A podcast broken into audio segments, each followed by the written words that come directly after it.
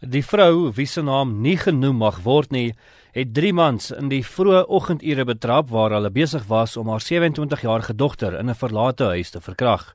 Sy het hulle gevra wat hulle doen en al 3 mans het na bewering op haar afgestorm. Die ma wat 'n mes by haar gehad het, het dit uitgepluk om haarself daarmee te verdedig.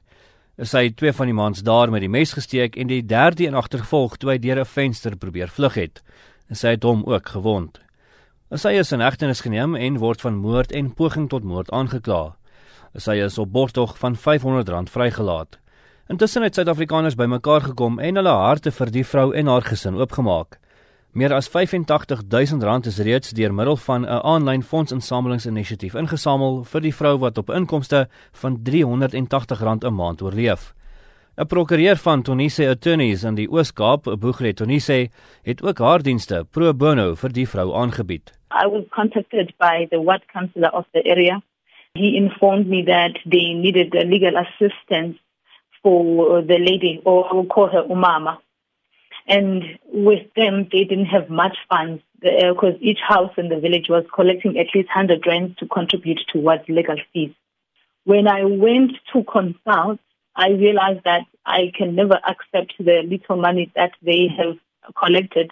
And looking at the area where she resides, she herself lives on a 280 rand, 12 grand per month, and uh, she's got six kids. All of them are unemployed.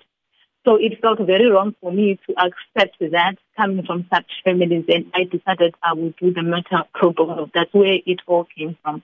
When it comes to such cases, the most expensive uh, component is expect or medical reports.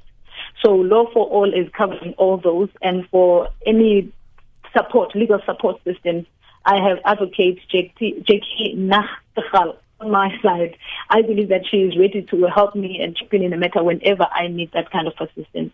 Sy sê hoewel baie mense ontstel is dat die vrou in hegtenis geneem is, is dit normale prosedure in 'n geval waar 'n misdaad gepleeg is. It is only the court that can then say, after having heard all the evidence before court and listened to him from the version, if needs to be of the accused person, then we conclude that this was indeed self-defense.